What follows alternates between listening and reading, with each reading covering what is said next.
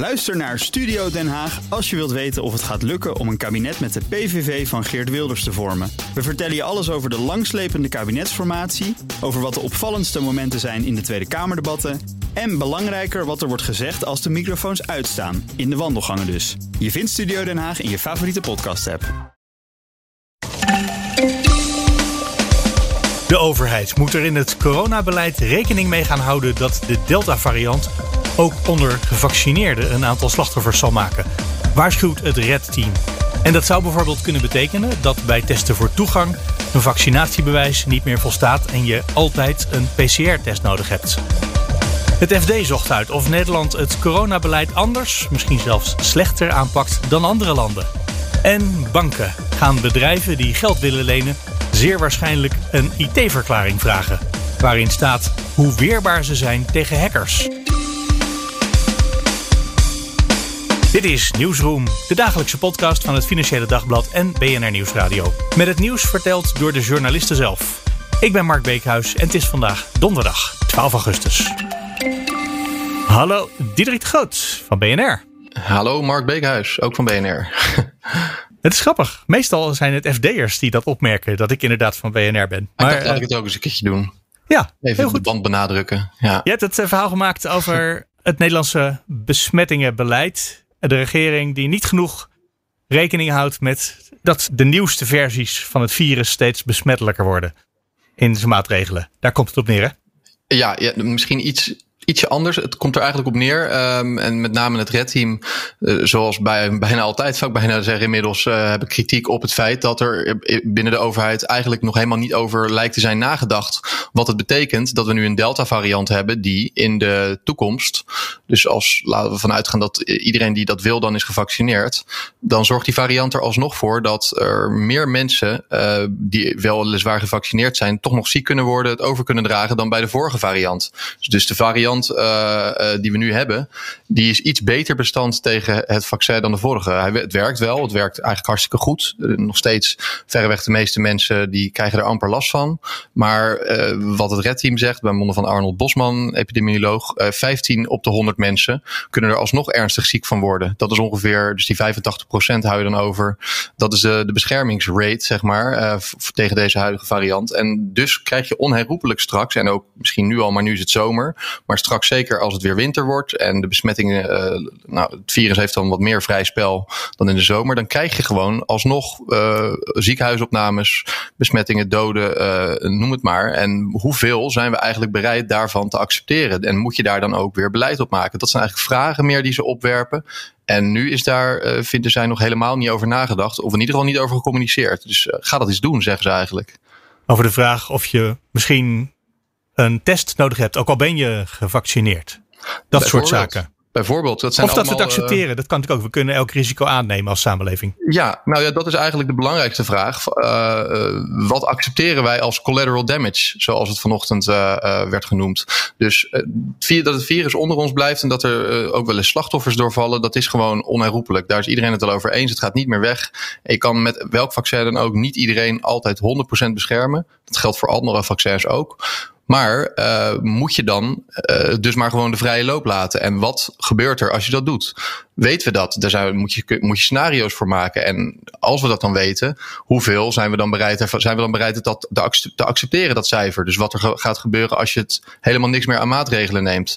Um, en als je dat niet accepteert, wat kan je dan doen om dat iets minder erg te maken? Dat zijn allemaal van die vragen. En inderdaad, daar kan dus bijvoorbeeld uh, bij helpen dat je dus in plaats van alleen maar uh, eist dat iemand gevaccineerd is uh, om bijvoorbeeld naar een festival te gaan of een nachtclub, kan je dat je ook nog misschien zou kunnen zeggen, nou zeker de komende tijd, deze winter, is het misschien helemaal niet zo gek om dan ook nog een testverplichting eraan vast te hangen of een advies om na afloop te testen.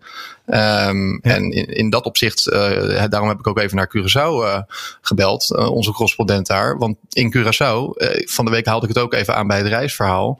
daar, daar heb je dat nu als je daarheen wil, hè? Precies, dus daar zeggen ze, je kan wel gevaccineerd zijn, maar we willen alsnog dat jij een PCR-test hebt gedaan uh, in Nederland dan bijvoorbeeld als je er vandaan komt en die negatief is voordat je er hierin komt. En je gaat daarna nog een keer, drie dagen nadat je daar bent, ook nog een keer testen Um, en dat is niet per se al ingevoerd vanwege die Delta-variant, maar gewoon ook omdat zij zeggen, nou, ook het vaccin biedt gewoon niet 100% bescherming. En je kan het dan nog steeds oplopen en overdragen. En we willen dat ver van ons eiland houden, in hun geval. Logischerwijs. Ja. Het zou best kunnen zijn dat het RIVM uh, in hun achterkamertjes uh, dit soort scenario's aan het ontwikkelen is. Hè? Dat die kritiek van het Red Team misschien voorbarig is.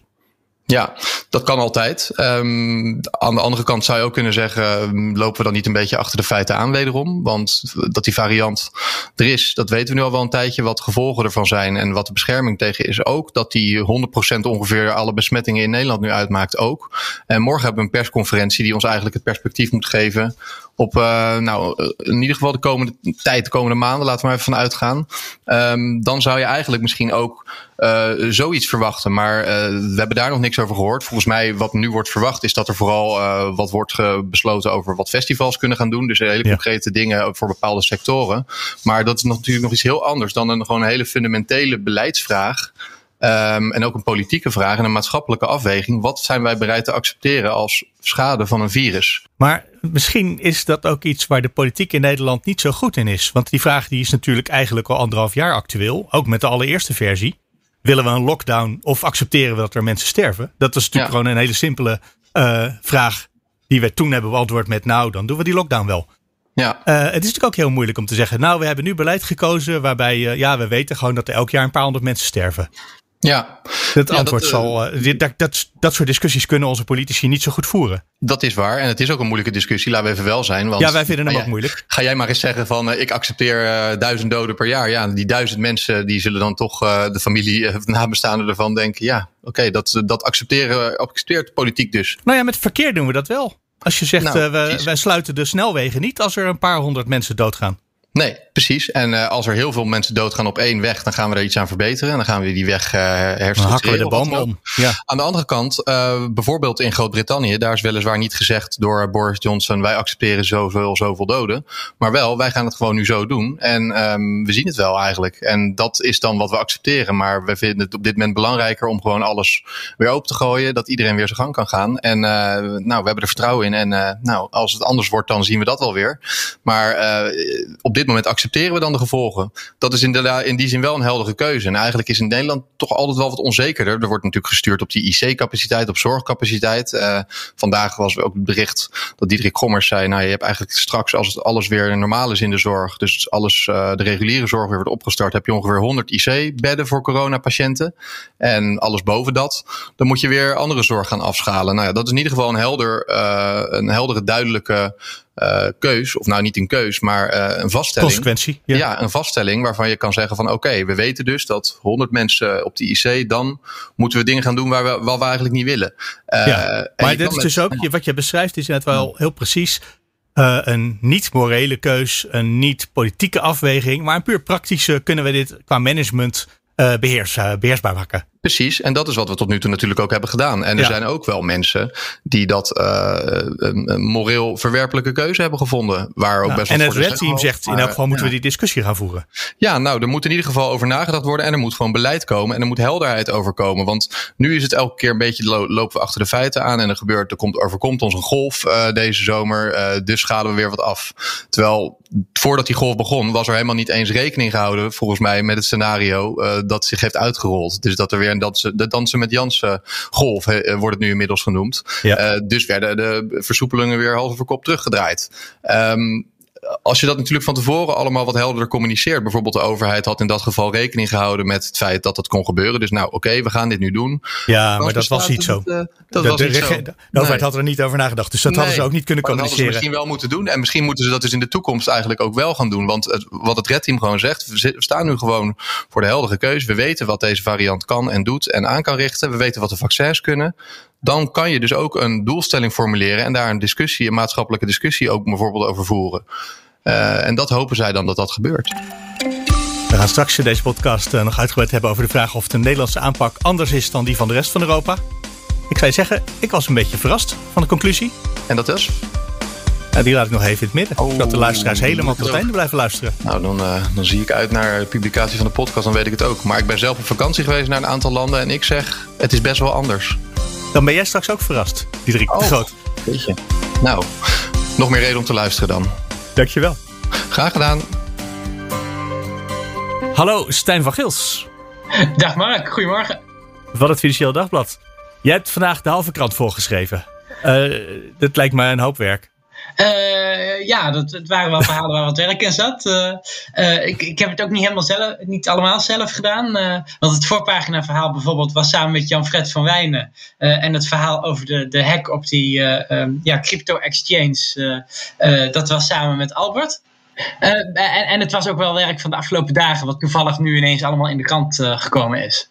Ja, want er staat ook een interview in met iemand over Ubiport. Dat zag ik op de website niet staan. Ja, nee joh, dat stond maandag op de website. Mm ja. Ja. Dus dat is uh, oud nieuws? Nee, het is niet, ik vond het een interessant stuk. Dus het is goed dat het toch nog in de krant terechtgekomen is. Ja, ik, het was ook wel een verhaal waarbij ik dacht... ja, dit is voor de lezer wel relevant om te lezen... en het hoeft niet als keihard nieuws te staan. Dus het is ook niet nee. heel erg als het een paar dagen later in de krant komt. Uh, en het is toch in de zomervakantie iets meer zoeken... om, om de krant netjes gevuld te krijgen. Uh, ja. ja, soms wordt dan gedacht van, oh, we hebben voor vandaag genoeg, laten we dit dan even doorschuiven. En dat gebeurde bij dat verhaal dus een paar dagen achter elkaar. Uh, ik was even bang dat hij niet meer in de krant zou komen, maar dat is ook weer niet gebeurd. Komt hij alleen maar op de website. Ja, er staat nog best een soort uh, harde nieuwsachtige kop boven. Uitdager Apple en Google zoekt slechts 1 miljoen. Het gaat erom dat mensen kunnen kiezen.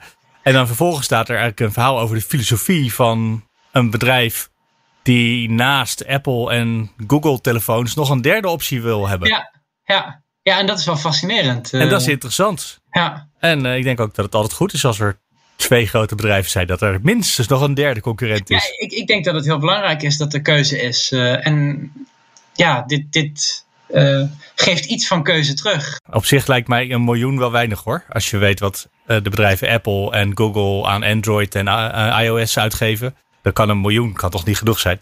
Uh, nee, een miljoen is heel weinig. Ja. Tegelijkertijd is dit ook wel een project waar, ja, wat heel veel mensen een soort van ja, zelf belangrijk vinden en daar vrije tijd in stoppen.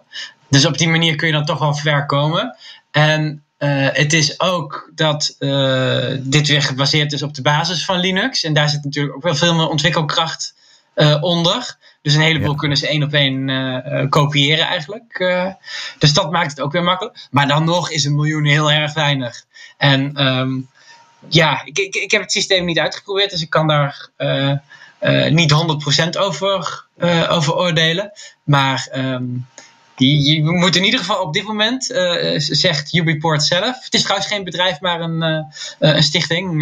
dus ze hebben ah, ook ja. geen winst, winstoogmerk. Uh, maar zelfs die organisatie zelf zegt, ja, nu uh, op, op dit moment moet je wel hiccups voor lief nemen. Uh, dus ja, dit, dit, het is echt nog niet zo goed als Android en, en iOS. dat, dat moet je er ook niet van verwachten. Bovendien er zijn ook helemaal geen apps voor. Hè? Dat is niet speciaal hiervoor. En heb je wel nodig. Wil je zoiets simpels als WhatsApp kunnen gebruiken. Wat bijna iedereen als levens, eerste levensbehoefte ervaart. Ja, nee, dat is heel belangrijk. En uh, dat, dat maakt het met dit soort dingen heel moeilijk. Want ja, je moet aan de ene kant heel veel investeren. Uh, ofwel met vrijwilligers, ofwel met heel veel geld om zo'n systeem op te zetten.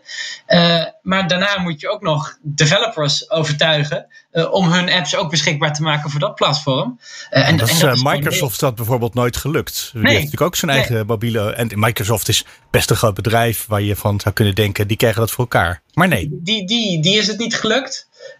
Ja, Nokia heeft het in zekere zin ook nog een tijdje met een eigen systeem ge, geprobeerd. Dat is niet gelukt. Dat is wel iets eerder en ook niet helemaal ja. vergelijkbaar. Maar dat, dat is gewoon heel moeilijk. Ze zeggen wel dat ze veiliger zijn. En dat is een ongelooflijk knappe bruggetje naar het artikel op de voorpagina. ja. Want anders gaat alles de tijd in dit artikel zitten. Wat mensen op maandag al gelezen hebben op de website natuurlijk. Uh, um, op de voorpagina heb je samen met Jan Fred uh, van Wijnen een stuk gemaakt over een nieuwe voorwaarde die banken waarschijnlijk aan leningen gaan stellen. Uh, ja, dat, dat zit er in ieder geval dik in. Uh, er is nog geen bank die dat heel hard opgezegd heeft, want die verklaring moet er nog komen. Dus dat, dat, uh, ja, die, die verplichting zal er ongetwijfeld niet onmiddellijk komen. Dat is een verklaring waarin eigenlijk staat: dit bedrijf heeft zijn IT op orde.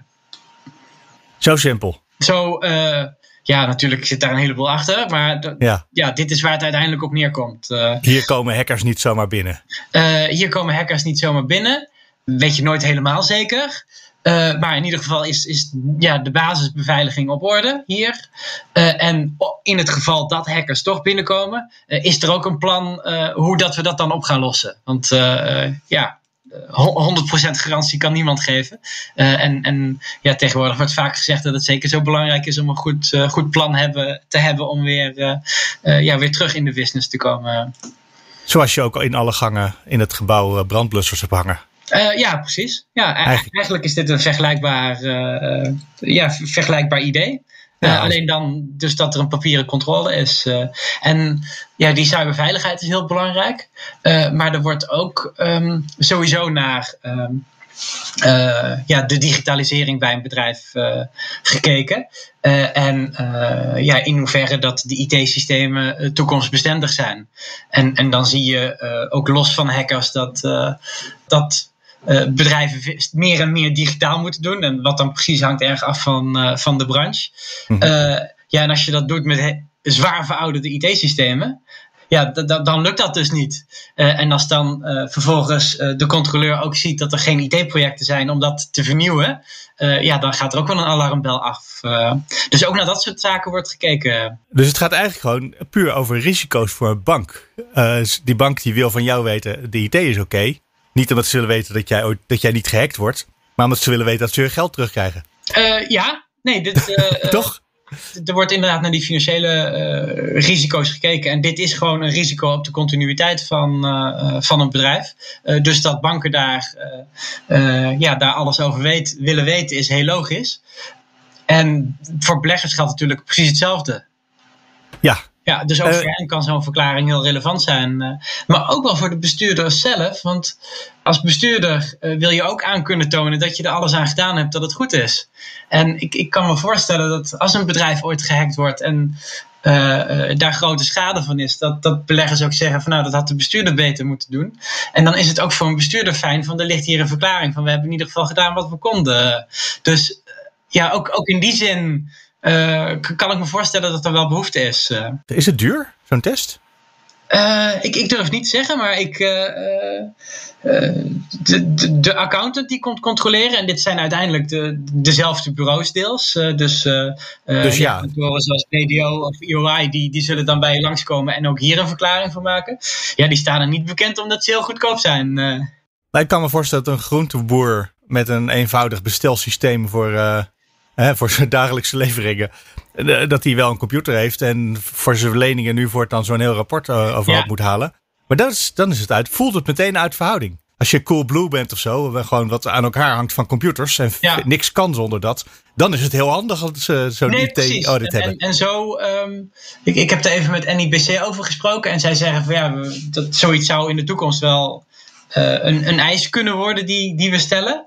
Uh, maar uh, dat doen we dan niet bij de snackbar om de hoek.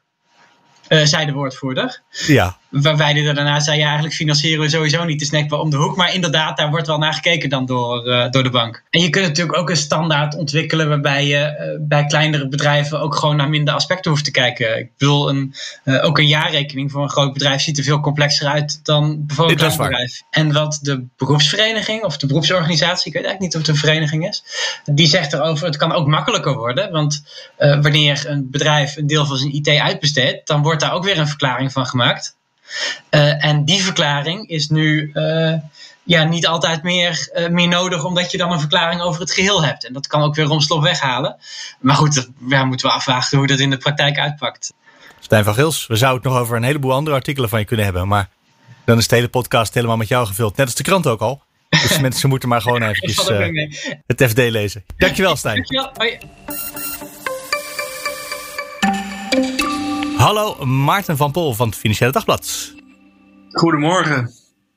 We gaan het weer hebben over corona. Uh, twee stukken vandaag van jouw hand in de krant. Dat wil zeggen, vlak voor deze opname zei je...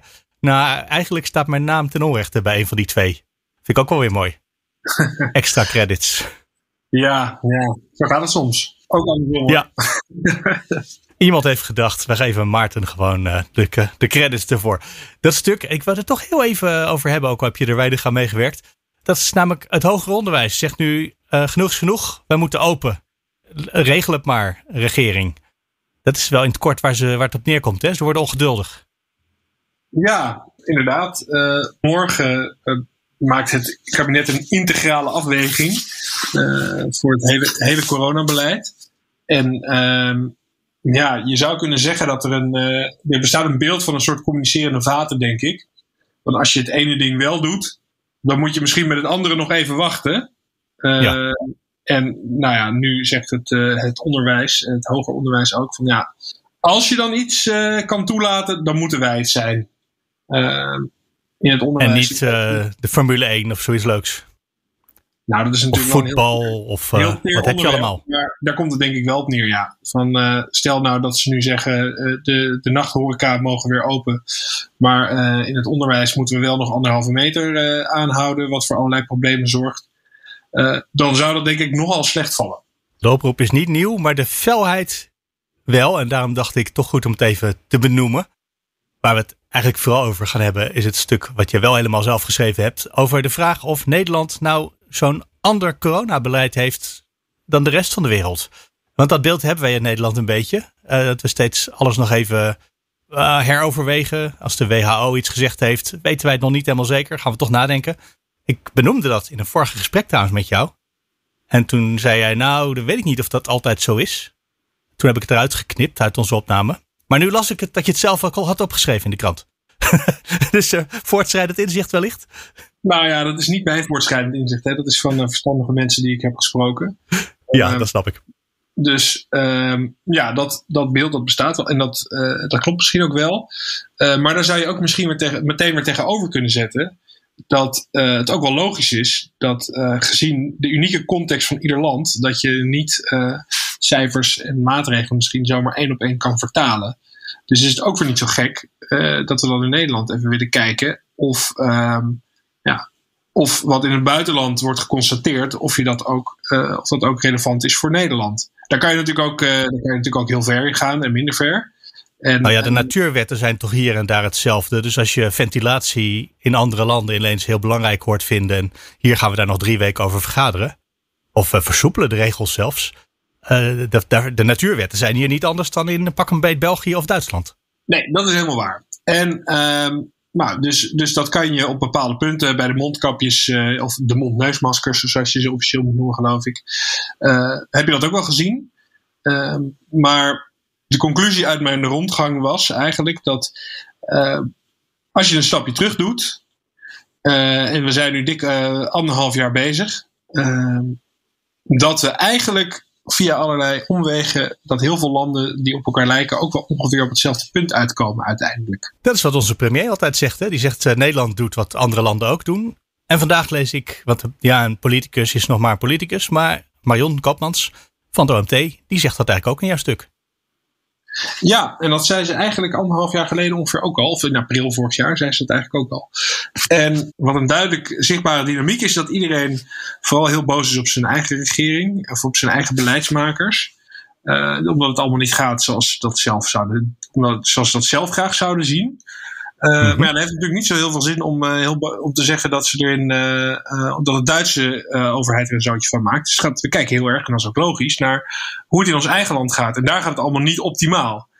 Maar ja, het is ergens ook wel logisch dat in een crisis dat het nergens echt optimaal gaat. dus is het ook wel logisch dat bij mensen vaak het beeld heerst dat hier wel echt een unieke puinhoop is of zo. maar als je kijkt naar wat we tot nu toe op basis van de cijfers kunnen zeggen. En ik zeg er meteen bij, dat is, dat is ook weer ingewikkeld. Uh, maar als je daarnaar kijkt, uh, dan ontloopt het elkaar uiteindelijk allemaal niet zo heel erg veel. Zowel als je kijkt naar welke maatregelen genomen zijn, uh, als ook naar wat de resultaten daarvan zijn. Er zit een fantastisch grafiekje bij het artikel in de webversie in elk geval van de Universiteit Oxford. En die hebben een index bedacht voor de strengheid van de maatregelen. Wat me nog best een prestatie lijkt. Maar goed, ze hebben dat voor elkaar gekregen. En dan golven wij allemaal samen in één grote slang door de tijd heen. Hè? Dat lijkt precies op elkaar. Het lijkt heel erg op elkaar. Wat ook weer logisch is natuurlijk. Want die, uh, die maatregelen die komen niet uit de lucht vallen. Um, je ziet bijvoorbeeld wel dat Nederland twee keer uh, vrij enthousiast heeft versoepeld. Twee keer aan het begin van de zomer.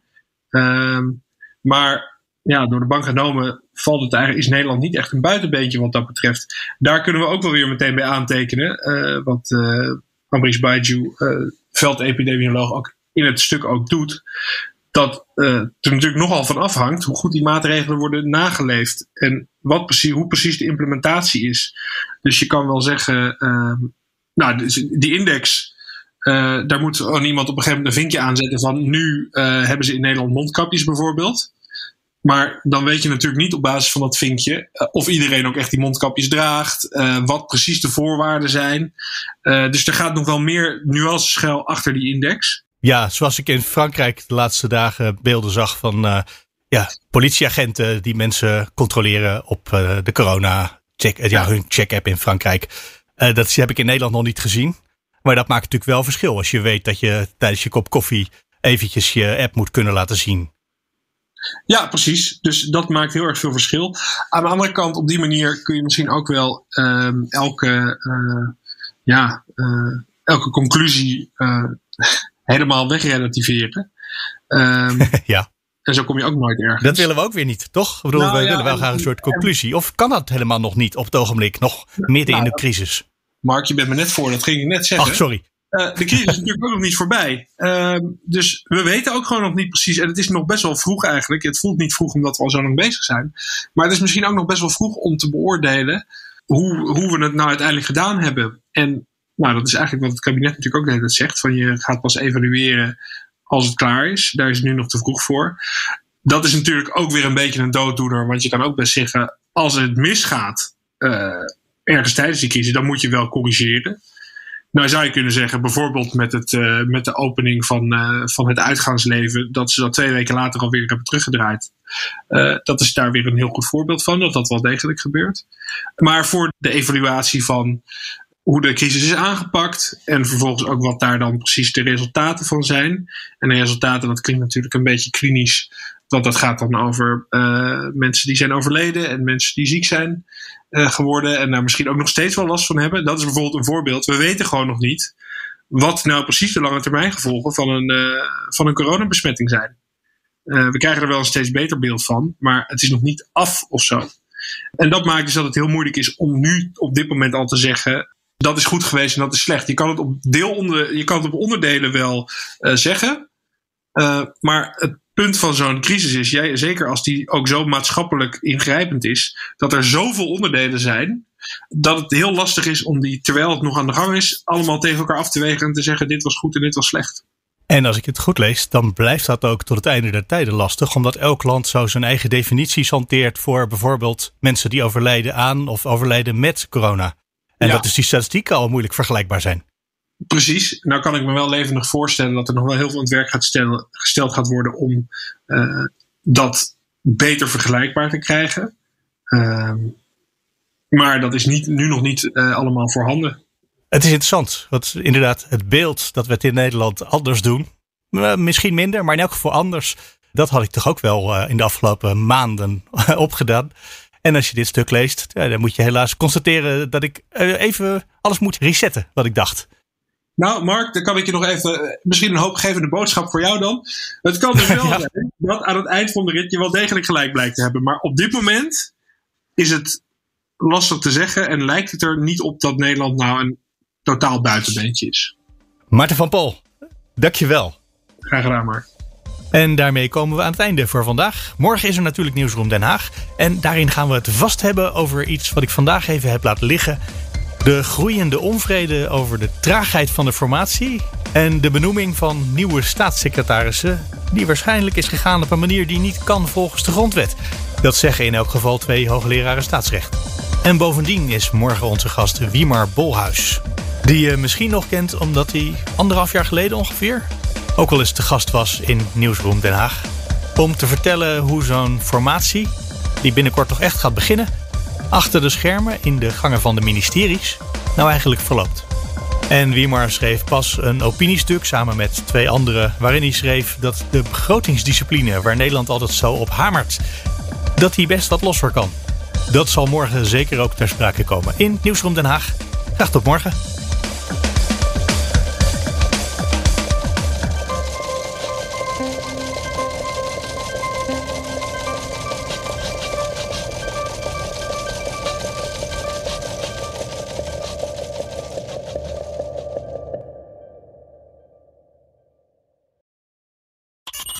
Diana Matroos vind je in de BNR-app. Ja, inderdaad. Je kunt live naar mij luisteren tijdens de Big Five. Ook handig in de BNR-app. Breaking nieuwsmeldingen, maar ook het allerlaatste zakelijke nieuws.